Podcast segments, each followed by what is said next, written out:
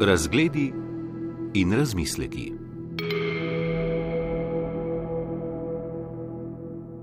Večine plečnikovega dela ni mogoče preprosto opisati z običajnimi definicijami moderne arhitekture 20. stoletja. Takratna tipično moderna arhitektura je povezana z abstraktnimi formami in oblikovanjem prostora ter z izražanjem sistematičnosti procesa gradnje. Poleg tega je skupni imenovalec arhitekture tistega časa tudi želja po ustvarjanju univerzalnih okvirov za naprednejše oblike funkcionalne in družbene rabe prostora. Da bi lahko plečnikovo delo umestili v kontekst njegovega časa, moramo definicijo moderne arhitekture razširiti. Takšna intelektualno koristna vaja je odličen primer, kako uporabno razširiti klasifikacijo arhitekture določenega obdobja, tako da ta vključi tudi alternativne ideologije in vrednote. Za plečnika še posebno velja, da s proučevanjem njegovega dela sprostimo toge in oske interpretacije modernosti, ki vrednotijo in se ukvarjajo z industrializacijo, izključno s pomočjo ustvarjanja abstraktnih arhitektonskih in tektonskih jezikov, kakor tudi urbanizma tabule raze, za katerega je mogoče trditi, da se za kulturne in družbene okoliščine dejansko ne zmeni. Rečeno grobo, Plečnikov opus pripada tistemu delu arhitekture 20. stoletja, ki je kritičen do posledic racionalizacije proizvajanja zgrajenega okolja, in kaže na kompleksnejšo in verjetno bolj točno definicijo zahodne arhitekture in urbanizma tistega časa. Takšna študija obeta, da bi lahko delovala kot model za usporednost revščine intimnosti in kulturnih odzivov, ki jo opazimo pri današnji generaciji arhitektov. Ta je v veliki meri posledica bliskovitosti digitalnega okolja, pa tudi homogenizacije univerzalne kulture potrošništva. V nasprotju z industrijsko revolucijo, digitalna revolucija človeka ne poskuša poenostavljati tako, da bi ga opisala kot ustvarjalca in predstavnika refleksivnosti dela, ampak ponuja nekaj, kar je v mnogih pogledih pretirano poenostavljanje življenja skozi krčenje krajev, proizvodnje in namenov, umeglenost računalniško ustvarjene površine in proizvodnje.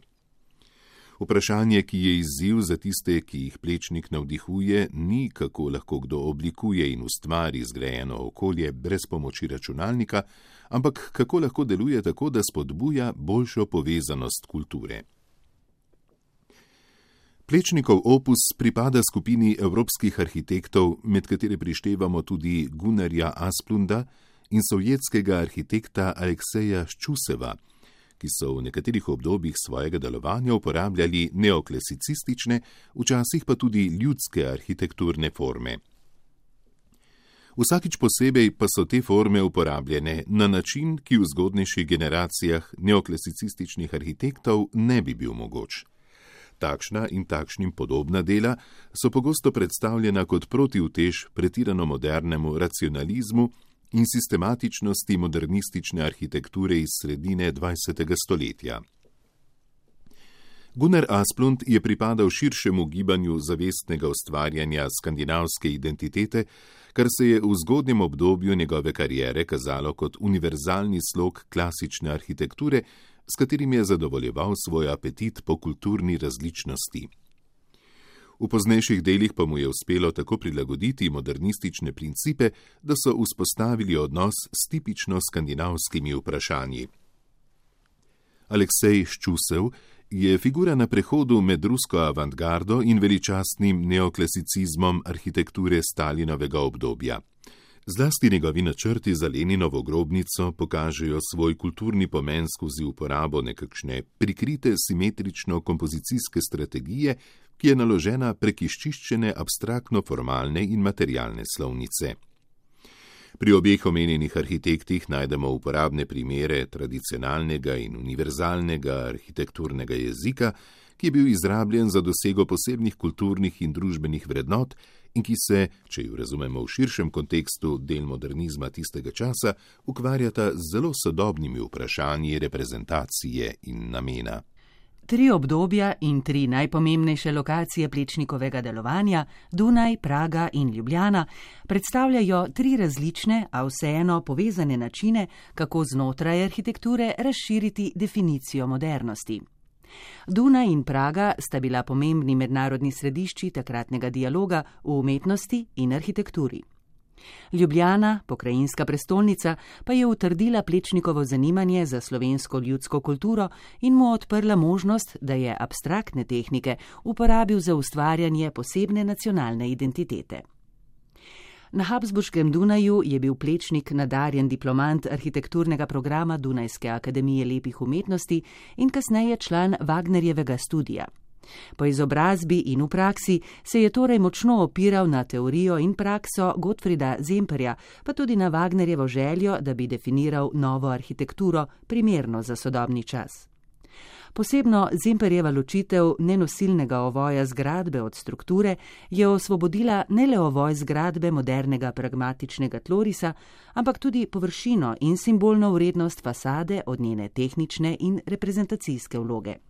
Z vključitvijo zemperjevske teoretične drže si plečnik dovoli, da eksperimentira z drznimi strategijami fasade Wagnerjeve šole na kompozicijsko popolnoma neobremenjen način zlasti s fasado stanovanske Cahrlove hiše, ki je sicer racionalno organizirana in zadržana, prikazuje secesijsko vrednotenje narave s fluidnim valovanjem površine, celo še bolj agresivno od svojih sodobnikov, ki so pogosto uporabljali bolj dobesedne in dekorativne podobe organskih tem s poslikavami in mozaiki na bolj ravnih površinah.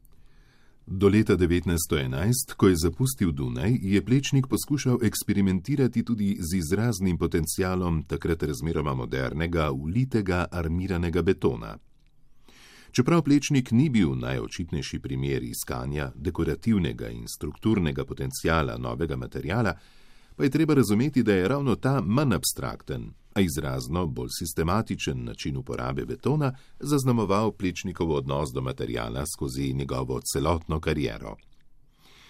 Tako kot bolj konvencionalni modernisti je Plečnik izrabil strukturni potencial novega materijala, vendar pa je v nasprotju z njimi vključil tudi kulturno zaznamovane, dekorativne in celo figurativne motive. Uporaba armiranega betona mu je dopustila, da je spremenil in popačil tradicionalno dekoracijo in forme. To je naredil na način, s katerim je nagovarjal tako sodobna, kot tudi zgodovinska pričakovanja. Na Dunaju zgodnjega 20. stoletja je to pomenilo povezati se z družbo, ki je konzervativna in nekoliko dekadentna, a vendar zahteva estetiko, ki jo ima za napredno, a na nek posebno družbeno zaveden in nadzorovan način. Z vsem tem pa si plečnik nikoli ni bil domač, saj je bilo zunaj njegovega izkustva provincialnega in katoliškega moralnega ozadja, ki ga je pridobil med odraščanjem v Sloveniji. Ko se je Jože Plečnik preselil z Dunaja v Prago, se je znašel v evropskem središču kubističnega, morda tudi dadaističnega in nadrealističnega dialoga. V češki prestolnici je prevladoval kubizem in je bil, ne tako kot v drugih mestih, opazen nov arhitekturni tok že leta 1911, ko je Plečnik kot profesor prispel na Praško umetniško obrtno šolo. Čeprav je bil polemično predan raziskovanju generativnega potencijala arhitekture, ki je prihajala iz slovanske ljudske kulture in klasicizma, nikakor ne moremo dvomiti, da je takrat na njo vplivala tudi številnost kubističnih idej in tehnik, s katerimi se je srečeval v praški umetnosti in oblikovanju. Kar nas pri plečnikovem delu v tistem času zmede, je dejstvo, da medtem, ko ne kaže specifičnih slogovnih in tehničnih lastnosti praških kubističnih zgradb, kaže formalne in na pogled podzavestne iracionalne lastnosti poznega dadaizma, še posebno nadrealizma, ki večinoma izhajajo iz odziva na čas pred Prvo svetovno vojno, med njo in po njej. Tako kot pri dadaizmu in nadrealizmu najdemo tudi v plečnikovem delu, posebno tistem, ki je nastalo v Pragi, popačene, figuralne, sanske in včasih celo humorne forme.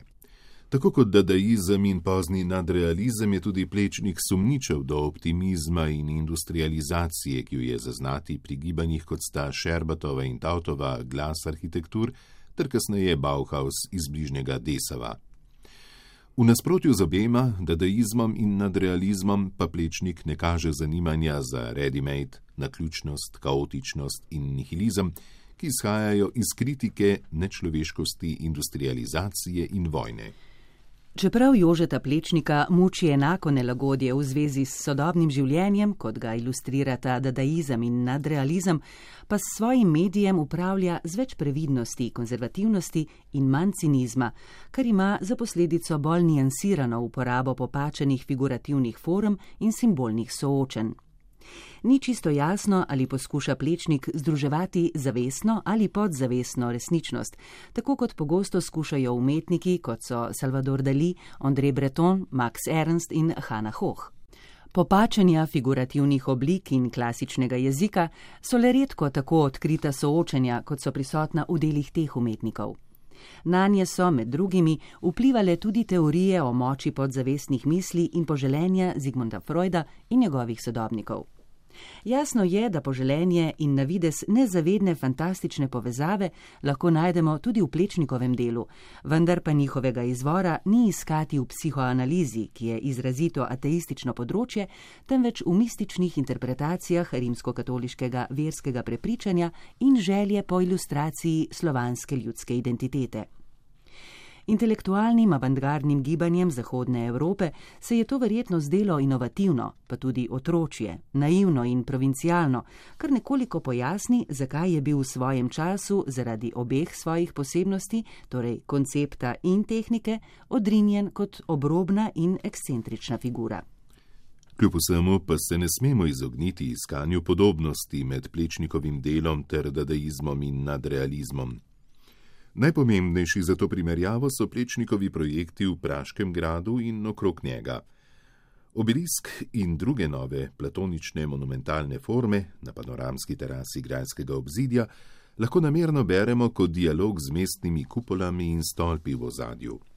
Kovinski baldahin nad stopniščem v rajski vrt, ki je kot iz tekstila, in pa zašiljena zastavna drogova so le trije primeri v samem gradu. Na drugi strani mesta, v cerkvi svetega srca Jezusovega, v nenavadnem prostoru cerkvenega zvonika z njegovim velikanskim oknom v uri, ki obroblja sansko notranjo rampo, pa izkusimo plečnikovo, verjetno najbolj psihosomatsko intenzivno delo. Ti primeri so po svojem obsegu, zauzetosti in soočanju kontekstualnih elementov podobni temu, kar najdemo v slikarstvu Salvadorja Dalija in Đorđa de Kirika umetnikov, ki sta bila plečnikova sodobnika in prav tako nagnjena k uporabi in popačenju figuralnih oblik.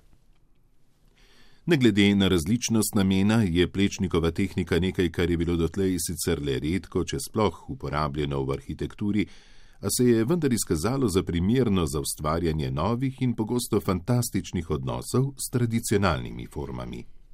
Ni čisto jasno, zakaj plečnikovo delo ne zauzame bolj racionalne pozicije pri uporabi klasičnega jezika, razen morda zaradi osebnega načina ustvarjanja konvencionalnega jezika. To je sicer le špekulacija, tudi plečnik se je očitno videl oziroma predstavljal kot outsiderja, tako na Dunaju kot v Pragi.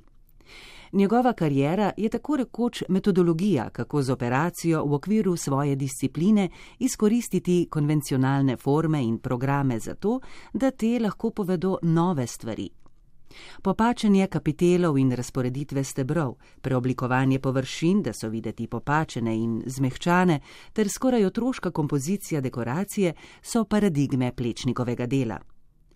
Plečnikova neobičajna slovnica je izredno nenavadna, tako da jo je težko natančno razvozlati. Vendar pa s svojo fluidnostjo razkriva prepoznaven skupni jezik, odprt inovativnosti in alternativnim branjem in na ta način prikazuje plečnikove osebne, pa tudi splošne negotovosti in želje. Leta 1921 je Jože Plečnik v svoje domače mesto Ljubljana preselil svojo arhitekturno prakso in poučevanje, s tem pa tudi svoje metode formalnega in simbolnega ustvarjanja, ki jih je razvil v času prebitem na Dunaju in v Pragi. Privlačila ga je namreč možnost, da tudi v svoji domovini razvije kulturno identiteto zgrajenega okolja. Kar je treba omeniti o tem obdobju, je vpliv klasične in slovenske ljudske kulture na naravo detajlov in odprtin v njegovih zgradbah. V njegovem delu je še vedno navzoče racionalno oblikovanje, ki se ga je priučil med izobraževanjem na Dunaju, in pa zdaj že popolnoma dodelano razumevanje uporabe armiranega betona. Na vides konzervativni ton njegovih urbanističnih in gradbenih načrtov pa je omiljen z izredno nenavadnim, celo igrivim značajem njegove nove slovenske arhitekturne slovnice.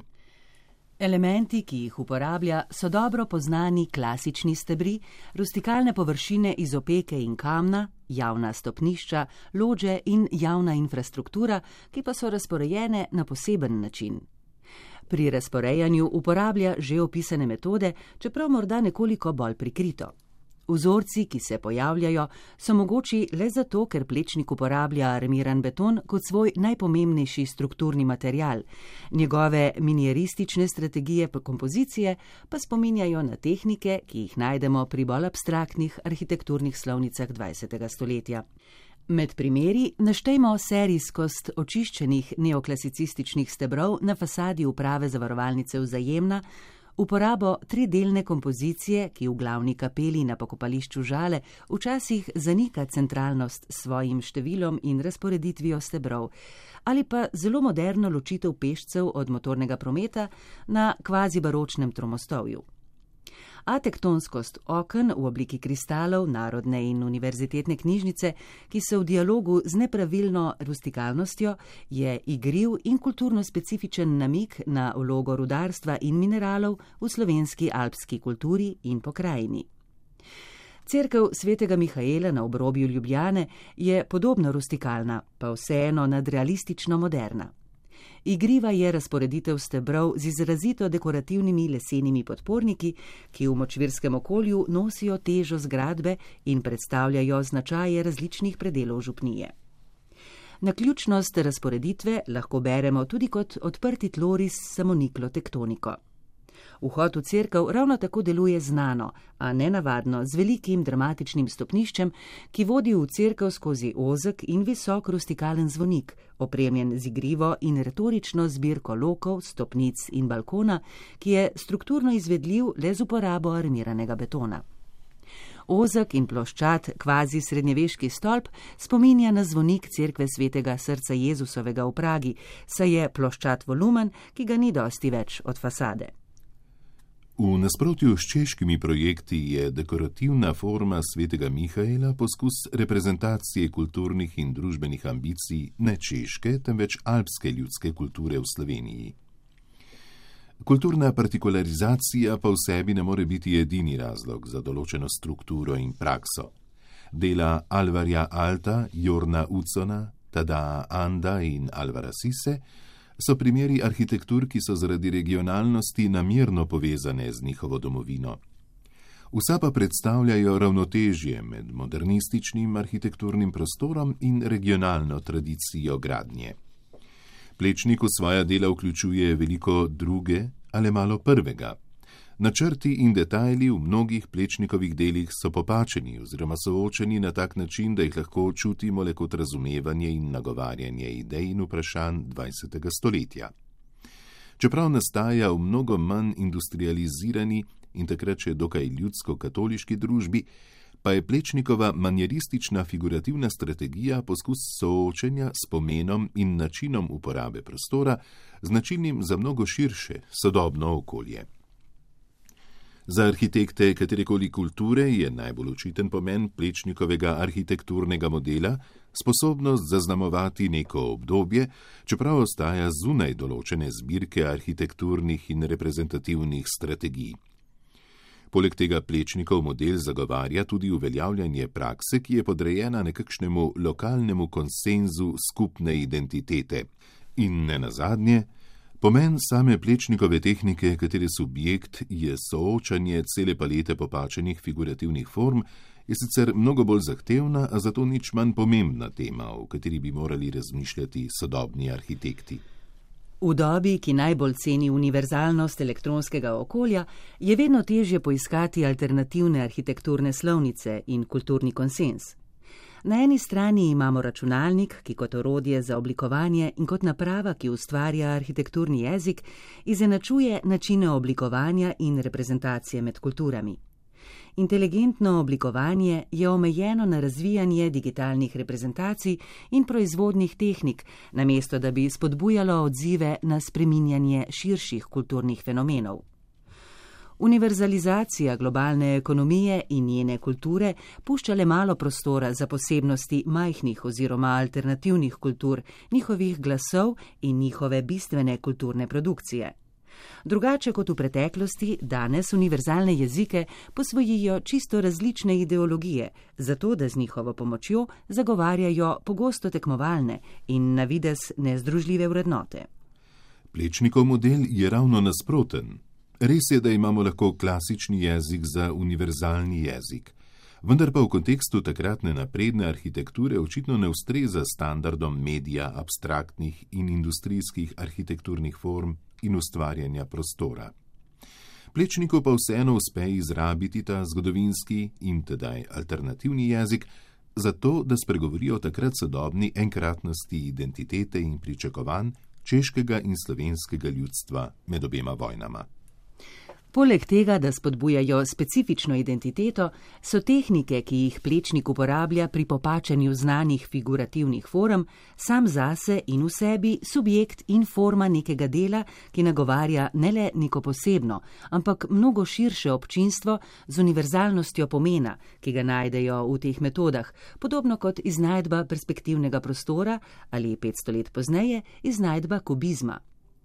Enako kot dadaizem in nadrealizem je plečnikovo neobičajno ravnanje s konvencionalnimi formami in arhitekturnim jezikom izražalo splošen način dojemanja in nelagodja ob izgubi intimnosti in še posebno ob navidezni izgubi nadzora nad posameznikovo psihološko in notranjo eksistenco, ki se je morala soočiti z vse prisotno sistematičnostjo modernega sveta.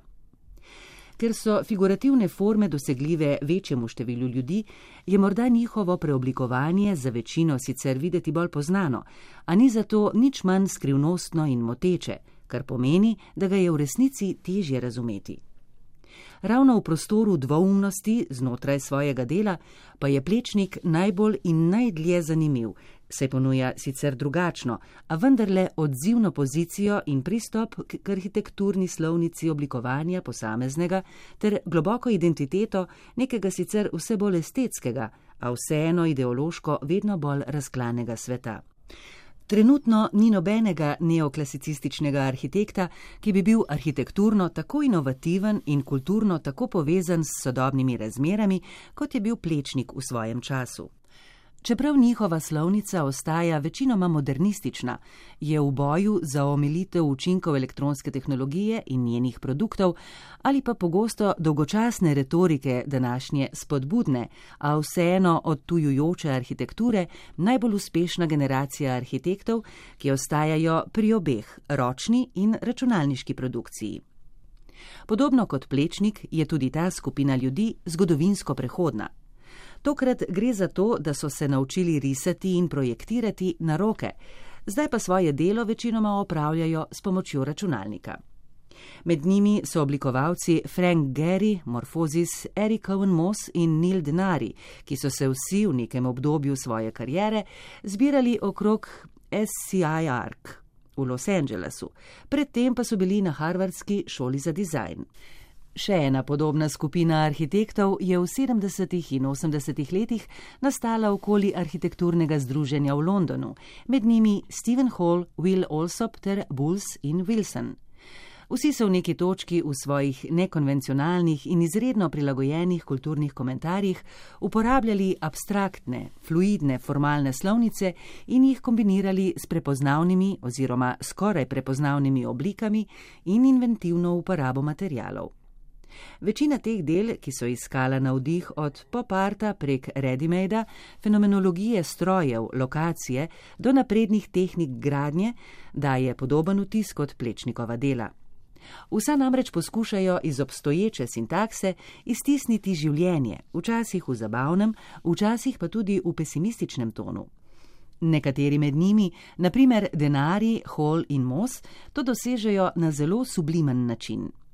Njihov pristop, ki ga lahko zasledujemo nazaj do Piranezija, poskuša prikazati odtujenost človeštva v situaciji, ki ga presega v njihovem primeru centralno-birokratski in elektronsko osiromašen svet, spet podobno kot pri plečniku. Pri drugih spet v kompozicije vstopi igrivost.